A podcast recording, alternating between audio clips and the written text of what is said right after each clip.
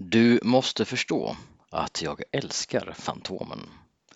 Denna intervju spelades in på Svekon 2021, Fantastica i Stockholm.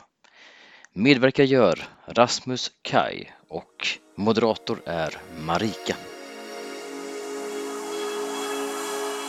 Svekon-poddar, en poddradio från svenska science fiction och fantasykongresser.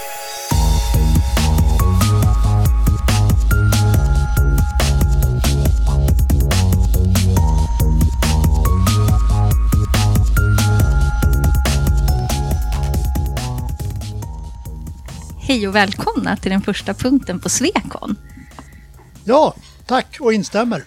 Det eh, kanske, jag tänkte vi skulle börja med att presentera oss. Vilka vi är, eller ni förstår ju vem det här är. Det är ju eh, den vandrande vålnaden. eh, jag heter Marika Löfström och jobbar till vardags som matematiklärare. Och eh, är uppvuxen med Fantomen eh, någonting som jag som vuxen förstått de flesta tjejer inte är. Och jag, för två år sedan, när vi hade ett ökon, väldigt trevlig kongress by the way, så gick jag runt och funderade på om man skulle prata Fantomen. För jag tyckte liksom att ingen pratar ju Fantomen nu för tiden och jag älskar ju Fantomen.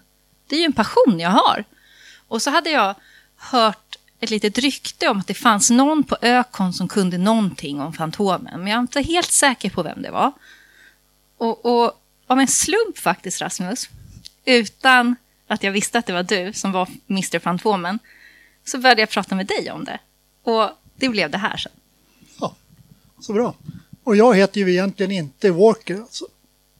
Utan jag heter Rasmus. Rasmus Kaj och jag är också uppväxt med Fantomen och tycker att Fantomen är kul.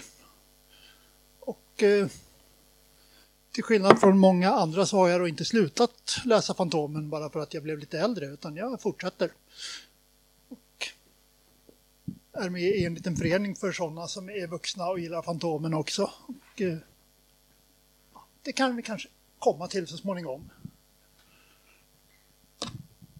Fantomen är ju en ganska började ju som en väldigt amerikansk serie, kan man väl sammanfatta det. Amerikanskt upp, ursprung. Eh, och har väl på något sätt mer och mer blivit mer och mer blågul, kan man väl säga. Ja, i alla fall för oss här i Sverige. Ska man Ska jag gå igenom historia lite grann? Gör det, för det är du som är experten. För då, vi har ju, måste ju liksom etablera oss här, att jag är den passionerade älskaren till Fantomen men jag kan inte ett skit. Eh, det här är the master. Allting jag vet har jag läst i Fantomen-äventyr. Jag kan, och jag älskar verkligen Fantomen. Och ni kommer ihåg den här tv-serien, du måste förstå att jag älskar Fantomen. Det, är liksom, det var min ingång till Fantomen. Och jag, och jag fattar att det är nördigt att gilla Fantomen. Men jag står ju alltid upp för min kärlek till den här blåa snubben. Eh, och men jag kan ingenting annat än att jag tycker om Fantomen.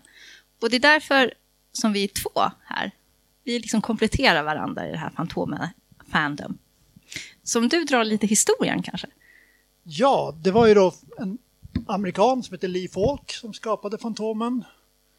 Eh, 1935 någonting eller sådär, men 1936 började den publiceras i alla fall. Och har sedan dess gått syndikerad i tidningar. Så en stripp om dagen och en lite snajdigare stripp på söndagarna. Eh, och så småningom så började de äventyren samlas och eh, ges ut, eh, kom på svenska först i Hemmets veckotidning tror jag, eller någon liknande sån tidning.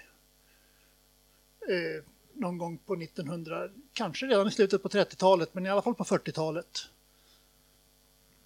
Och sen 1950 så började den komma i en svensk egen serietidning. Serietidningen Fantomen. En serietidning som idag är värd väldigt mycket pengar, eller hur Rasmus? Om man råkar ha det första numret i gott skick så, och skulle vilja göra sig av med det, vilket verkar vara en mycket dålig idé i och för sig, så kan man nog få ett bortåt 150 000 för den tror jag kanske ännu mer. Så, ja, det, av svenska tidningar så är det första numret av Fantomen och första numret av Kalanka. Det är de två svenska serietidningar som kostar seriöst mycket pengar. En investering kanske. Bamse håller på att stegra upp också, första Bamsen. Första årgångarna av Bamse kostar en del också, men det är inte alls på samma skala. Har du någon effekt med micken? Jag fortsätter hålla i.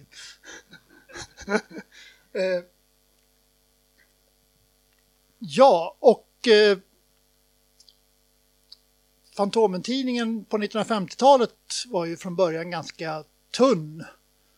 Och ett Fantomen-äventyr sträckte sig över tre, fyra, fem, sex ibland tidningar. Och sen var det lite biserier och sådär. Så att Fantomen-äventyren räckte ganska bra. Men på 60-talet så växlade man upp lite grann och gjorde tidningen tjockare och hade ett helt äventyr i varje nummer. Wow! eh, och det fick ju då effekten att materialet räckte helt enkelt inte. Och man kan inte hålla på och köra hur mycket repriser som helst. Så att då började det lite försiktigt med svensk licensproduktion av Fantomen-äventyr. av Fantomen-äventyr. Och eh, från det, redan tidigare fanns det ju, Sverige var inte först med licensproduktion. Det fanns redan tidigare någonstans i Sydamerika tror jag, det fanns framförallt i Italien för vår del. Och det fanns nog redan i Indien tror jag, eller så kom det senare. Men i Italien fanns det produktion i alla fall, så att sådana äventyr plockades det upp en del och togs med i den svenska tidningen. Eh, men de svenska redaktörerna tyckte ofta att de italienska äventyren var inte speciellt bra.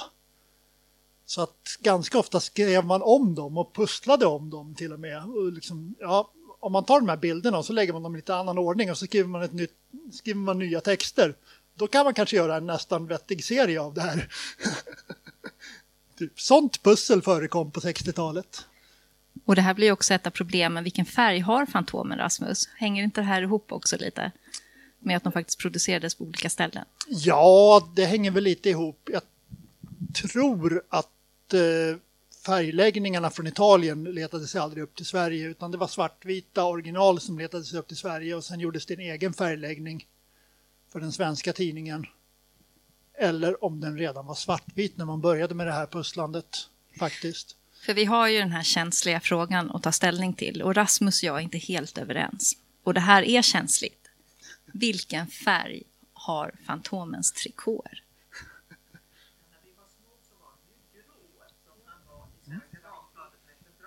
Mm, grå har vi ett alternativ. Jag kan säga det rätta svaret sen.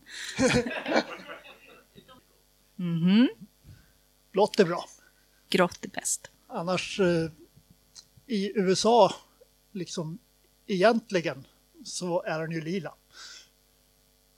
Men från början så eh, är det ju ni som säger grått som hade, har en ganska stark poäng. För från början hade ju Lee Folk tänkt att han skulle vara grå. Han kallas ibland The Grey Ghost i de riktigt tidiga äventyren. Eh, men sen eh, någon gång när man skulle färglägga ett äventyr till en söndagssida. När man så småningom började ha råd att trycka söndagssidor i färg och någon skulle färglägga så var folk inte riktigt tillgänglig för att svara på vilken färg som skulle vara vad. Så då blev han lila.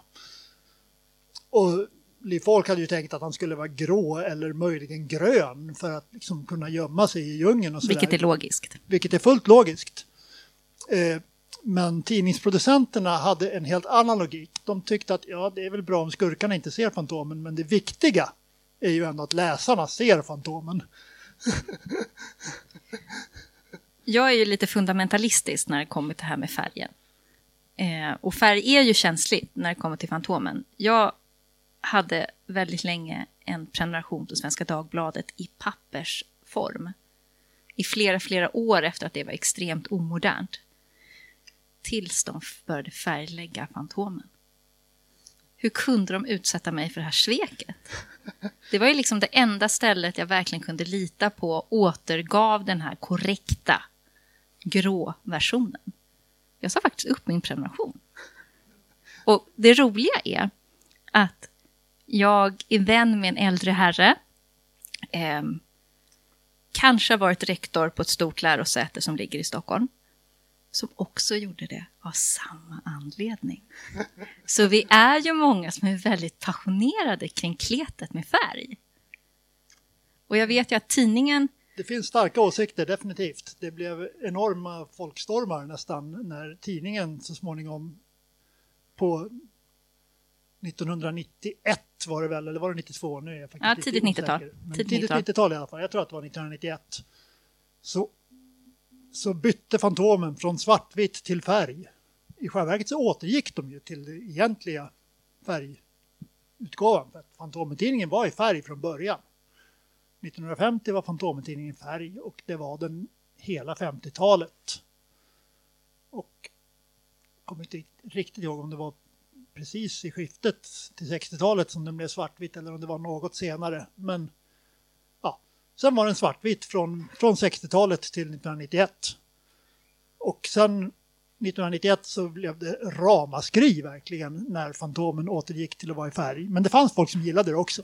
Det var inte så här att alla var negativa och alla slutade, alla sa upp sina prenumerationer och sådär, utan det var ju eh, rent marknadsmässigt så var det helt klart rätt beslut redan, på, redan 1991 att eh, återgå till färg. För att det, det, försäljningen minskade inte av det utan den ökade nog, eller i alla fall minskade mindre än vad alla andra tidningar gjorde under motsvarande tid.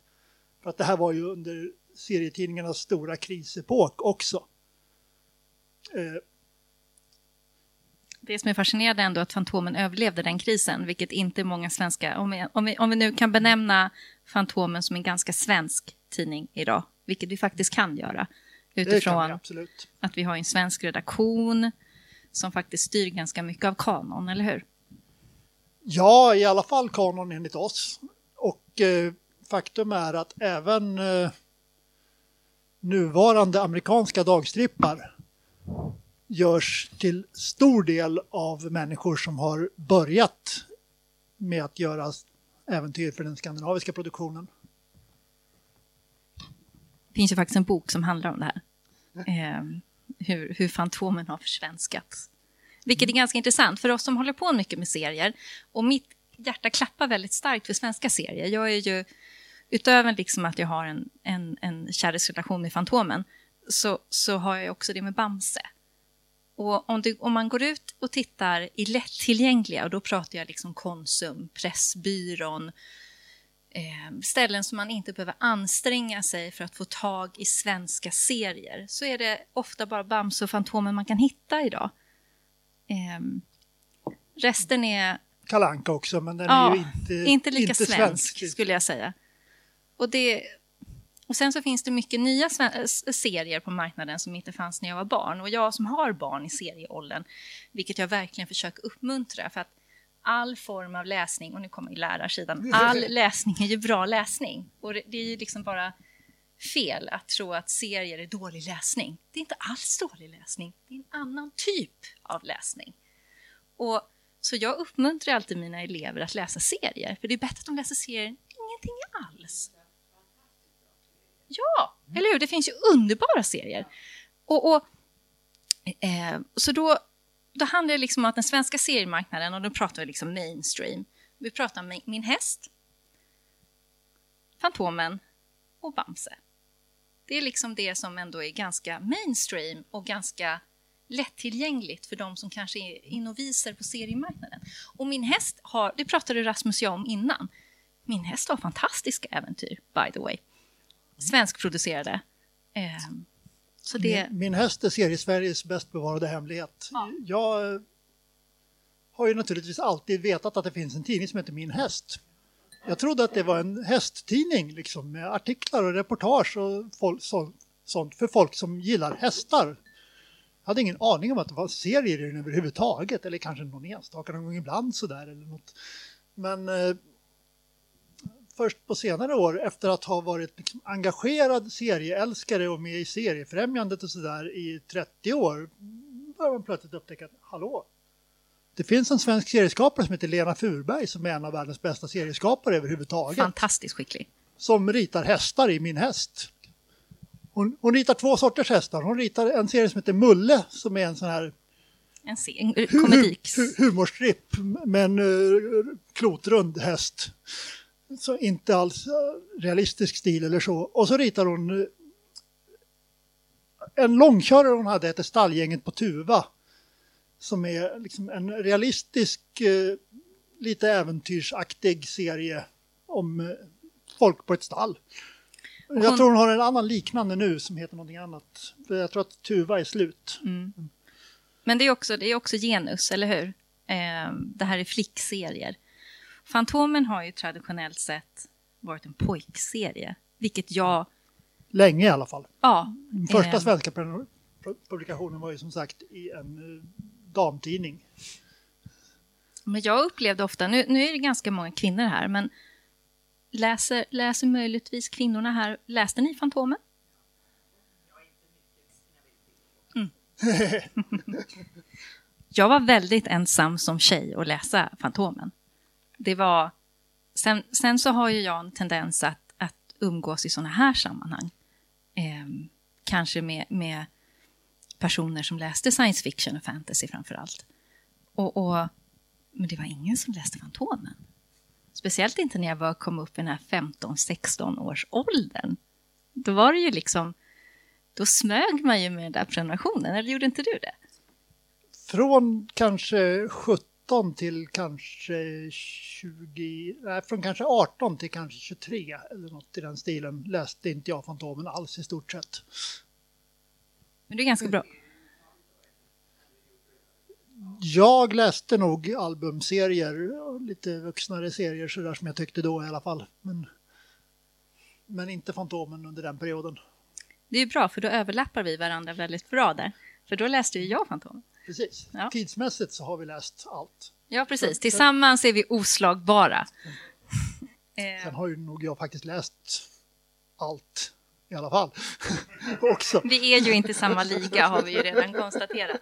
Men ehm, vi, när vi har suttit och spånat inför den här panelen så har ju vi också pratat om eh, det här som kanske inte är så positivt med Fantomen. Det här som kanske inte är lika lätt att ta till sig längre. För att vi måste ju på något sätt öppet adressera att det finns svårigheter i Fantomens historia. Och det, jag tänkte bara visa er. Eh, så att, och ni vet ju vad jag pratar om. Vi pratar ju dels om det som man kan tycka är lite så här roligt. Så här som man kan skratta lite åt. Men det här, Som folk skrattade åt på 50-talet i alla fall. Eller i alla fall 40-talet.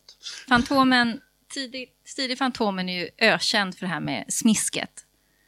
Och, och typ, typ historien, och nu får du säga stopp då, då eh, är att, att tjejer råkar ut för problem och, och, och kontentan blir att Fantomen räddar dem och för att de ska lära sig en läxa och inte göra såna här dumheter som att bli kidnappade av män eh, eller utan att själv råka ut för någonting, bli tagen av en främmande snubbe på gatan. Det är såna här saker som kvinnor är skyldiga till.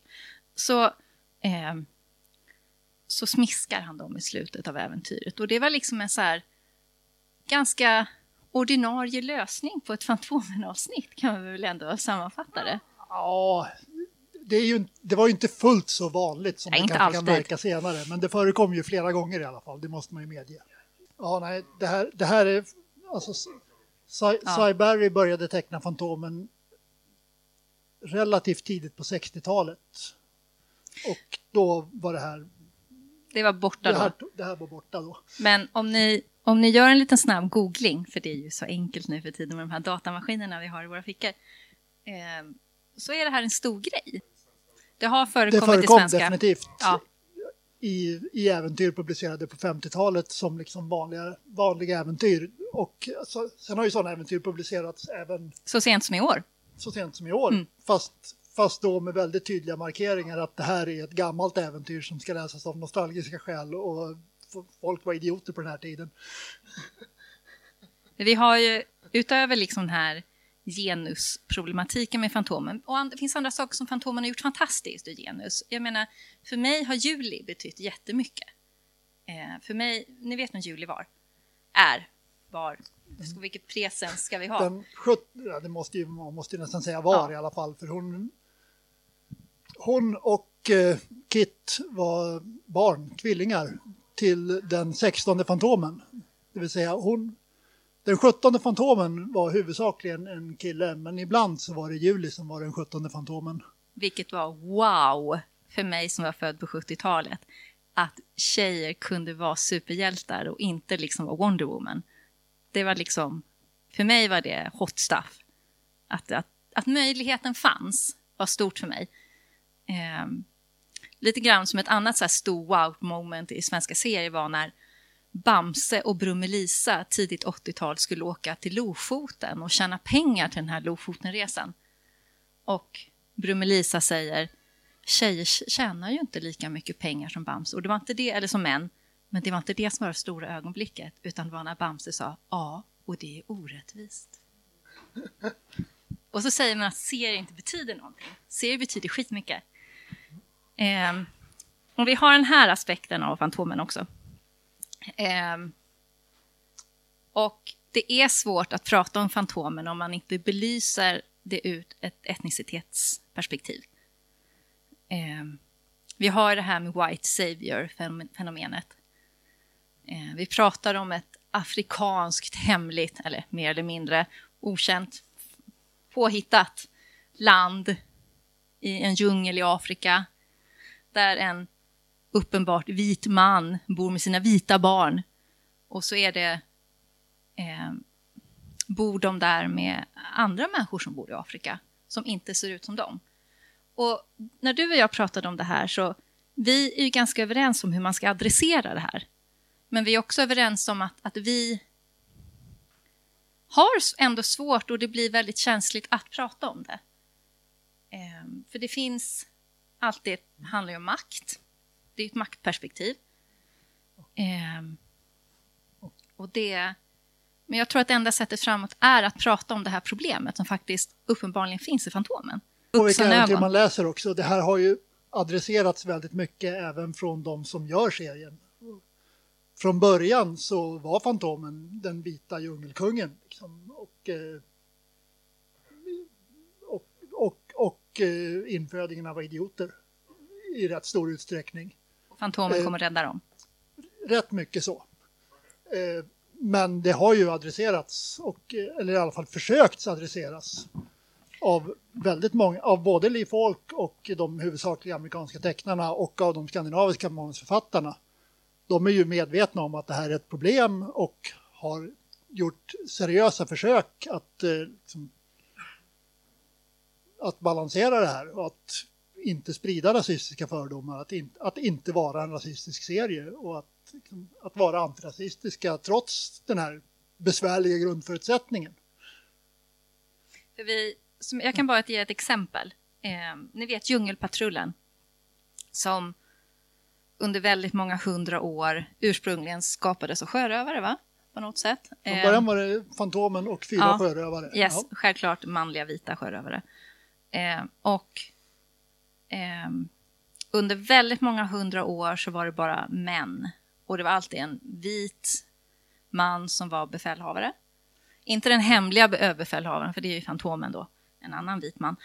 Eh, utan, ehm, men så sent bara som några avsnitt sedan. Det var dumt att jag inte skannade in den här, men för att på 70-talet så började kvinnor få vara en del av djungelpatrullen. Att kvinnor faktiskt kunde vara en del av de här soldaterna. Och det låg ju naturligtvis i tiden. Ehm, Jag menar, sen 80-talet så har ju kvinnor fått bli soldater i svenska armén också. Och, och ehm, från att det liksom, det har gått från att självklart Diana, ni vet, eh, hon är ju olympisk mästare i simhopp, karate och vad var det mer? Jag menar, det är ju jätterealistiskt liksom. Eh, eh, eh, och FN-tjänsteman. Folk Och hittar på lite olika saker om henne efterhand och Ja, eh, jag tycker det är fantastiskt. summan är, blir ju inte riktigt rimlig någonstans. Nej, men det är ju fantastiskt. Eh, jo då. vem vill inte vara Diana liksom? Ja, exakt. Utanpå kalsonger dessutom. Det måste vara så väldigt opraktiskt. Har ni tänkt på det här fenomenet? Jag ska ju erkänna, för ni, ni kanske inte känner mig allihopa, men ganska många av er känner mig lite grann. Och jag har ju glappkäft. Eh, eh, innan jag gick hit idag, jag hoppas att ni noterat strumpbyxorna. Mm. Trikåerna. Precis. Och jag, jag bor ju med en, en, en man som har kalsonger. Och jag lekte ju med tanken att ha utanpå kalsonger. Eh, men det är så fruktansvärt obekvämt. Alla, ni som haft strumpbyxor på sig vet att strumpbyxor, vilket vi kan gissa att Fantomen har någonting eftersom det sitter ganska tajt. Det är ju ett fruktansvärt obekvämt plagg. Det, om ni inte vet det, det glider alltid ner i rumpan. Ja, exakt, exakt Gunilla, exakt. Det sitter aldrig bra här och här. Och så, om ni har sett det så har jag gått och dragit lite i benen. Och jag är inte normalkonstigt lång, eller jag är normal lång, alltså verkligen på centimetern. Så för, det borde ju vara min kropp som strumpbyxor är gjorda på. Nej. Eh, men i alla fall, jag hade gjort succé om jag hade haft utanpå kalsonger, gissar jag. Men det är ju fruktansvärt opraktiskt. Eh. Nej, är den? Tror du? Nej. Det, den, Är den en den, hel går, den går att dela i midjan. Det finns äventyr där man, Ja, ser, där man, där man När ser han har tagit av sig. Ja, det, det, det, det finns, tyd, Jo, det finns i tydliga tecken bröllops- på det. I, vi har sett Fantomen Neck, eh, Ja faktiskt. Eh, bakifrån såklart, för man vill ju inte se en manlig frontal. Hur hade det tagits emot en tidning som läser 14-åriga snubbar? Liksom? Kvinnor har vi ju sett frontaler på. Självklart, självklart. Eh, mycket tuttar på 70-talet. Men Eh, om själva dräkten så har vi sett definitivt motst- mot, motstående bilder. För vi har dels sett bilder på dräkter som hänger i Dödskallegatan. just det, just det! Hela dräkter med, med, Helt rätt. med luva, överdel och byxor som en enhet. Var är knäppningen då? Ja, oklart hur man egentligen får på sig de där sakerna. men, men vi har också sett vi har också sett bilder på Fantomen med eh, dräktbyxorna på och de ganska utanpå vanligt. liggande kalsongerna på och håller på att ta på sig eller ta av sig överdelen. Men kommer, kommer ni ihåg den här tv-serien som kom för några år sedan som försökte vara så här Fantomen i framtiden? Amerikansk tv-serie. Såg du den? Kan- Kanadensisk. Kanadensisk, sorry, nu har jag knäckt liksom ett helt lands självförtroende. Eh, Lite science fiction-Fantomen. Den Ja. var jättehäftig faktiskt. ja, han hade inte utanpå kalsonger. Nej, Nej, det hade han inte. Och han var lite han hade mörkare. lila, lite mörkare dräkt Mm. som var lite eh, mönstrad också. Mm. Mer realistisk för att bo i djungeln. Men... ehm, jo, det här med Djungelpatrullen. Ni vet, när man snackar mycket så bara hoppar bollarna överallt i hjärnan.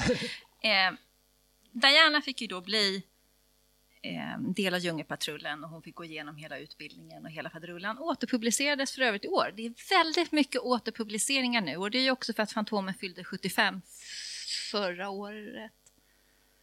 Ja, jag har rätt. Det, Skönt. det är praktiskt med Fantomen som har jubileum precis hela tiden. Jag vet. Alltid att, tillfälle eh, att fira. Alla år som slutar på en etta eller en sexa så fyller ju Fantomen-serien år. Och alla år som slutar på en nolla eller en femma så fyller ju den svenska Det Fantomen-tidningen är så år. himla bra. Ehm, Men i den här senaste ehm, publikationen då i år över när de visade på vilka personer som är med i Djungelpatrullen och utan att göra en grej av. Det är det här jag tycker att den svenska redaktionen gör så bra. För de behöver, man behöver inte göra en grej av det. Så utan att liksom beskriva det i text utan endast i bild eh, så sitter man på ett av Djungelpatrullens officersmöten.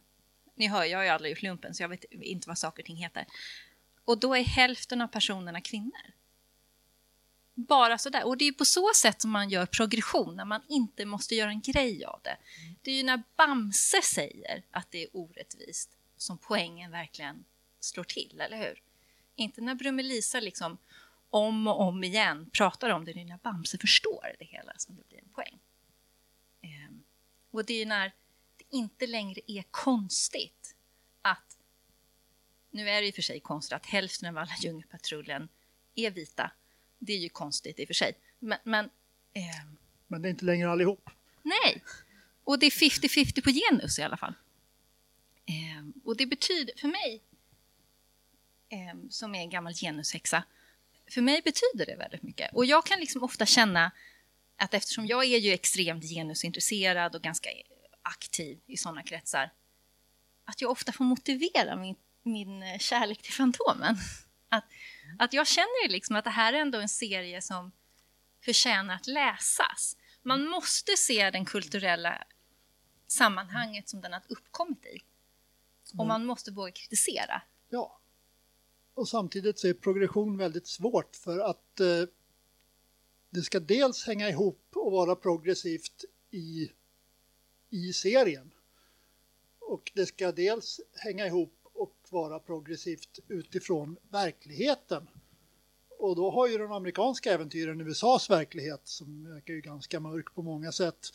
Och eh, de svenska äventyren har ju Sveriges verklighet att, att ta hänsyn till. Därav följer sådana saker som att den första kvinnan i Djungelpatrullen, vem var egentligen det? Ja, dels var det en, kanske egentligen en transperson med en modern... Det var i alla fall en kvinna som utgav sig för att vara man. Eh, redan under eh, Rödskäggs tid. Den första alltså i, Alltså- i Djungelpatrullen. Precis, precis i början av Djungelpatrullens existens för bortåt 350 år sedan eller något i den stilen. Eh, men sen var ju enligt den svenska produktionen så var ju Diana den första kvinnan i Djungelpatrullen. Ett äventyr som Mats Knutsson skrev eh, 72 kanske eller 73. eller något i den Självklart med nakna bröst i. Självklart, självklart. Naturligtvis. Eh, sen eh, ungefär tio år senare så fanns det ett annat svenskt äventyr, Patrullman Mary. Med ytterligare en kvinna som var först, första kvinnan någonsin i Djungelpatrullen. Och- Kanon är svårt. och det här också då enligt den skandinaviska re- redaktionen. Och sen ytterligare 10 år senare, 20 år senare, ganska nyligen så kom det amerikanska äventyr. Och då var det två kvinnor som heter Kay och Hava. 10 minuter kvar på reda på att vi har. Eh, Kay och Hava som var de första två kvinnorna i Fantomen. I dagstrippen då. Ja, Gick i svenskan för övrigt. Eh, det första av de äventyren tyckte jag ganska illa om faktiskt. För de här två kvinnorna, Kay och Hava, var ett par extremt fåniga personer. Den ena var trafikpolis och den andra var servitris. Båda var av någon anledning kompisar till Diana. Jag vet inte riktigt hur de hade lyckats lära känna varann. Kanske FN. Kanske, men oklart vad en servitris hade i FN att göra. Kanske det man ska vara. Eh, Men i alla fall, eh, på något sätt så tog de sig in i Djungelpatrullen och eh, deras första uppdrag i Djungelpatrullen hade definitivt kostat dem båda livet om inte Fantomen hade räddat dem. Så att det var ju på många sätt ett, Ett smiskäventyr kanske. Inte riktigt, men bra nära på det dåliga sättet. Eh, men de är kvar i alla fall i den amerikanska kanon och förekommer fortfarande. Och nu för tiden så är de faktiskt riktigt kompetenta och vettiga djungelpatrullofficerare båda två. Så jag börjar gilla dem. De är faktiskt mer bildmässigt i svenska Fantomen också. Fantomen är ju mer, mer blågul. Och fattar, pa, passar kanske den svenska mentaliteten. Jag vet inte. Vad tänker du Rasmus? Ja, absolut. Dels, ja, rättvisa har ju varit Fantomens grej från början. Eh, enligt kanon då, första Fantomen, så var det ju kanske mer hämndmässig rättvisa, vilket kanske passar USA bättre. Men eh, Vi bara spekulerar. sen har det ju varit mycket social rättvisa också från början och hela tiden. Och det handlar mycket om att liksom, bekämpa alla former av orättvisor. är ju faktiskt Fantomens livsuppgift. Vi tänkte att ehm, vi skulle prata lite grann om den där andra delen av Fantomen också. För Fantomen-tidningen har ju väldigt länge, eller från första början, innehållit så mycket mer än bara Fantomen, eller hur?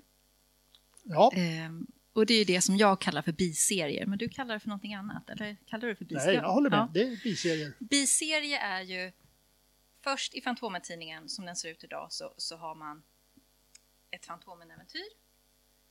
Ehm, och sen så kommer någon så här Fantomen-klubben-sidor om man i bästa fall. Jag älskar Fantomen-klubben. Är du medlem? Ja, Är absolut. ni medlemmar? Va? har Fantomenklubbsmedlemskap är på livstid. Absolut, Eh, ni kommer inte sen- undan. Om, om man inte är medlem av Fantomenklubben och tycker att det här var ju en miss så eh, är det nog bara, att- är det nog bara att beklaga för att En Fantomenklubben existerar inte längre aktivt. Det är inget som förlaget numera bryr sig om. Nej, du, ni, ni är fast hooked for life liksom. Så att antingen är man medlem på livstid eller så är man inte medlem på livstid. Det är kört. Nej, Man kan få tag på en dödskallering, det kan man absolut. vi fick eh, en jäkla nål. Det var ju loser. Dödskalleringen var ju det man ville ha. Sen finns det ju en annan förening.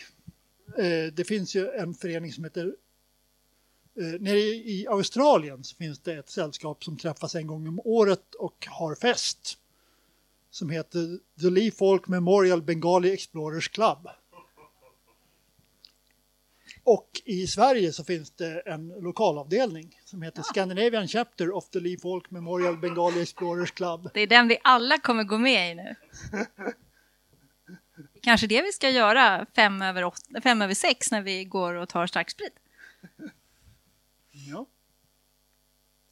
Eh, Den föreningen är också ganska så här tynande, men den existerar. Vi har en mailinglista där vi pratar med varandra i alla fall lite grann ibland. Eh, Vi hade en träff för några år sedan i alla fall.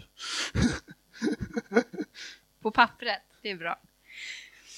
I de här biserierna idag, Ja, förlåt. eh, ser- nej, nej, nej, nej. Jag är expert på att byta samtalsämnen, så det är lugnt.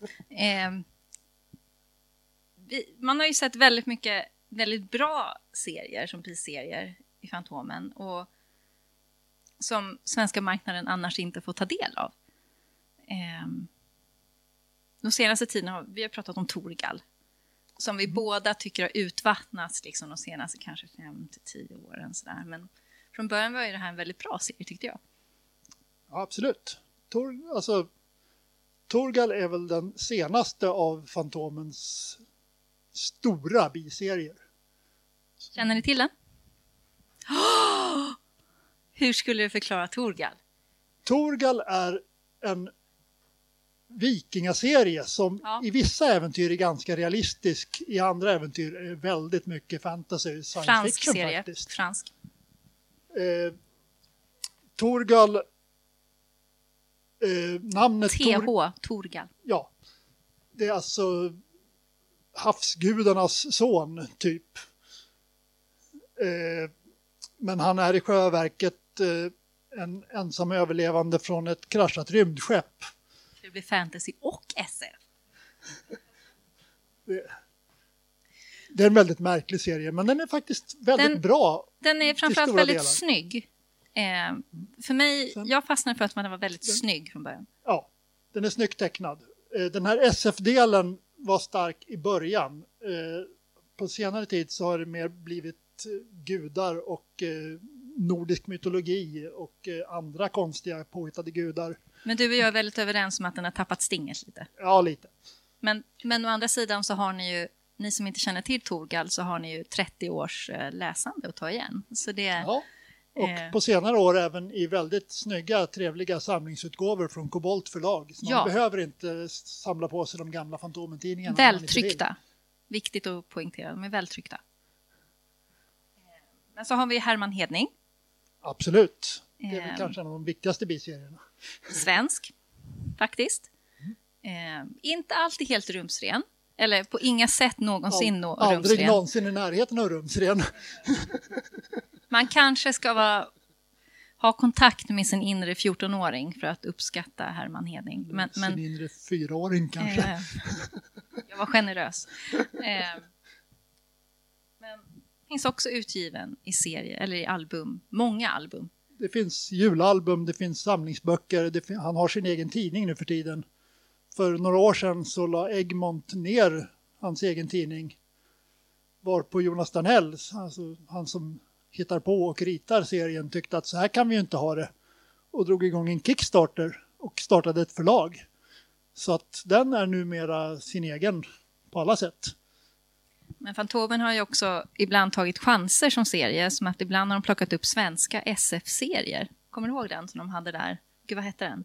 En ganska nyligen som... Eh, vad hette den? Det jag kommer inte ihåg vad den heter. Det var en sån här väldigt eh, långtidsepisk serie, alltså stiftelsemässigt nästan. I liksom, man försöker följa människor över väldigt långa tidsperioder och försöka förstå vad som har hänt för tusen år sedan och sådär. Vilket är en ekonomisk gambling liksom. En Storslagen serie. Skulle kanske kunna bli fantastiskt bra men behöver i så fall... Eh, behöver mer tid. Behöver mer tid, behöver mer utgåvor, behöver regelbunden utgivning under många års tid och där är vi inte. Och nu är det ju värdelöst att vi tipsar om en serie som vi inte kommer ihåg namnet på. Yes. Ja, alltså... Ja, du... Ja. Väldigt så ambitiös Tänk, Tänkaren serie. tänker du på. Den var fantastisk. Äh, det var någon Hjälte faktiskt. Eh, det var en serie som från början skulle ha gått i svenska serier men tyvärr hann de lägga ner den tidningen. Så att eh, två serier som skulle ha gått i svenska serier, båda var lite science fiction-aktiga. Tänkaren och Achilles Wiggen. Eller Tänkaren och Transportören som de hette från början. Fick gå i Fantomen istället. Och Tänkaren var väldigt bra men det blev inget mer med det. Eh, Transportören var jättebra och folk skrev till tidningen och tyckte att det här vill vi ha mer av. Och det gjorde de under tio års tid. Och sen kom det faktiskt mer. Sen kom det Achilles Viggen hette serien och gick långt in på 90-talet. Och, eh, och där är det slut. Vi, vi vill bara, tack, tack. Jag bara, det finns ju lite så här produkter i Sverige. Fantomenläsk, Fantomenmjölk och Fantomengodis vi vill ändå bara påminna om detta. Och Fantomenspel. Ja, precis. Tack ja. så hemskt mycket. Tack. Vad sa du? Jag tror det. Eh, ja. Det här, det här, spelet i alla fall och det där också om Marika vågar kommer att finnas uppe på jag kommer våga. här uppe. Om, eh, om, om Lars, nej. ja, jag kommer våga låta er spela spelet. Eller spelet, det är bara det som är mitt. Tack!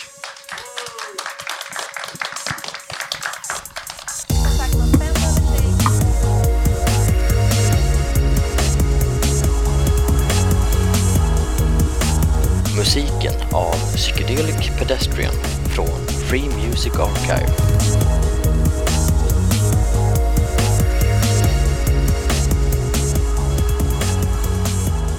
Besök gärna vår hemsida på svekonpoddar.se Kasım.